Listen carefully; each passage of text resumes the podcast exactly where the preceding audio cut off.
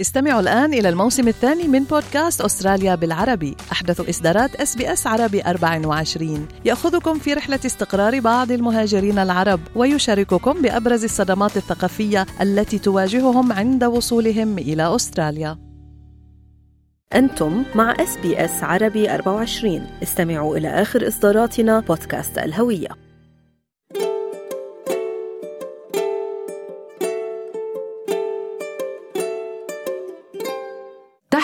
المجهر بودكاست يتناول العناية بالصحة الجسدية والنفسية. أهلا بكم في حلقة جديدة من بودكاست تحت المجهر. معي أنا منال العاني وضيف حلقة اليوم البروفيسور أحمد الربيعي أخصائي أمراض الجهاز الهضمي والناظور وأستاذ كلية الطب في جامعة نيو ساوث ويلز للحديث عن ارتفاع حالات الإصابة بمتحور JN.1 الجديد من كوفيد بولايتي نيو ساوث ويلز وفيكتوريا. نعم. أنا آه، قبل لا أدخل على المتحور الجديد هذا خليني أوضح أنه المزاج العام لجاليتنا وال streamline الاسترالي يروح هي القلق من آه، كورونا وضعف الاهتمام كثيرا بكورونا ومتحوراتها وبالتغيرات اللي صارت وبدأ الكثير يعتبرون انه كورونا هو شكل آخر من أشكال الانفلونزا وهذا غير صحيح واقع الحال. لأن لحد الآن الكورونا لم تصل بعد إلى مرحلة الاستقرار الوبائي اللي وصلت له الإنفلونزا والعديد من الفيروسات الأخرى منها فيروس ال RSV ولا زالت هناك إمكانية أن تظهر متحورات فرعية من الكورونا لا يمكن التنبؤ بخطورتها وسرعتها على الانتشار. إحنا كنا نعرف أنه على مدار السنوات الأخيرة الاثنين. كان أوميكرون هو المتحور الطاغي واختفى الشكل الأصلي وظهرت أشكال متحورات فرعية عديدة. ظل الأبرز من عندها متحور اسمه XBB. هو السائد في الولايات المتحدة وهناك مكانات أخرى إلى حد قبل حوالي آه، يعني أربع أشهر. في سبتمبر بالتحديد وفي الولايات المتحدة أيضا ظهر متحور فرعي جديد هو اللي أطلق عليه متحور جي إن 1 وهذا آه، لحد الآن آه، المعروف عنه أنه آه، انتشاره أسرع من المتحور اللي قبله إلى الدرجة اللي تحول نسبة وجوده في الولايات المتحدة الأمريكية من 3.2 في سبتمبر إلى أكثر من 60% من حالات الكورونا في أمريكا مع بداية الشهر الحالي مع بداية شهر يناير وانتشر بنفس الدرجة بالدول الأوروبية وحاليا في في أستراليا. هذا المتحور حتى بس أوضح وحتى أقلل التطير اللي ممكن يرافق ظهور أي متحور جديد أقول أنه لحد الآن منظمة الصحة الدولية WHO تعتبره من المتحورات المهمة بس ما صنفتها باعتبارها من المتحورات الخطرة. تقريبا أكو هناك شبه إجماع إنه هو لا يتسبب بحالات مرضية أكثر خطورة من المتحورات الأخرى الموجودة حاليا اولا لكن سرعة انتشاره ربما أكثر من المتحورات الأخرى أو المتحورات الفرعية الأخرى الموجودة حاليا والنتائج واضحة منها. كوفيد يضرب أستراليا من جديد مع ارتفاع حالات الإصابة بنيو ساوث ويلز وفيكتوريا بمتغير JN.1 اللي تحدثت عنه دكتور والمؤسسات الصحية والمسؤولين الصحيين يحذرون من مخاطر يمكن عدم الاهتمام بالصحة العامة والوقاية من الاختلاط مع أشخاص عليهم أعراض سواء أعراض الإنفلونزا أم كوفيد فهل يجب علينا فعلا دكتور الاهتمام أكثر يمكن مثل الأوقات الماضية ويمكن عدم الاختلاط مع الأشخاص اللي يعانون من أعراض سواء فلونزا أعراض كوفيد؟ شو بتنصحنا دكتور بهالحالة؟ شو بنعمل؟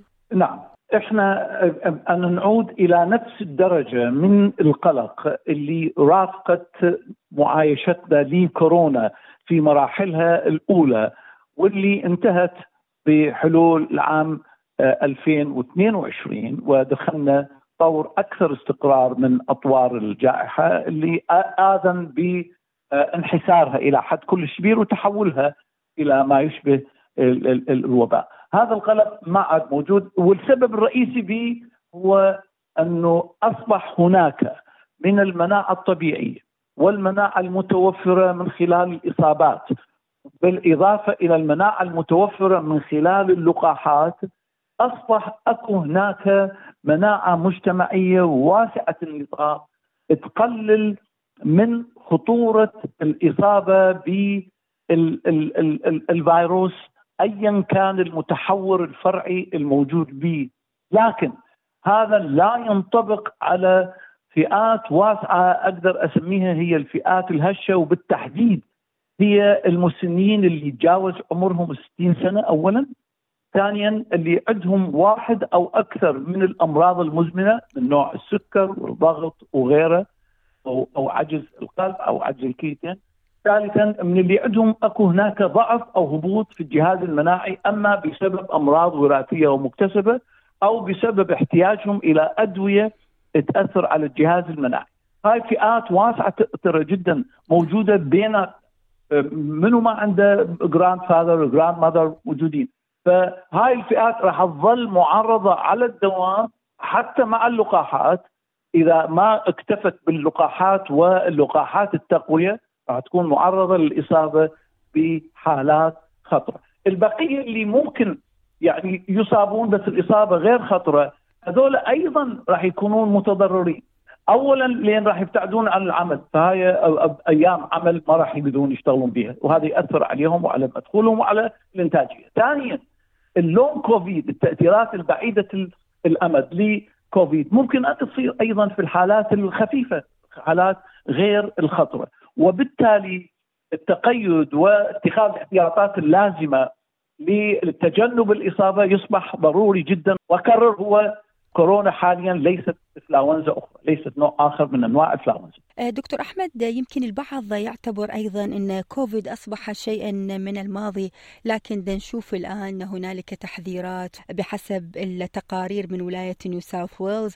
آه، أقسام الطوارئ اللي يأتون آه، بسبب كوفيد 19 كل أسبوع بالولاية ارتفعت إلى حوالي 1400 شخص وحتى إدخال ما يقارب من 400 إلى المستشفى.